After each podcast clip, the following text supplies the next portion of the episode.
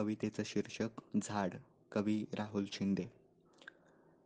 छंदापायी एकदा मी मातीत बीज रोवलं आज मात्र त्याचं एक भलं मोठं झाड झालं.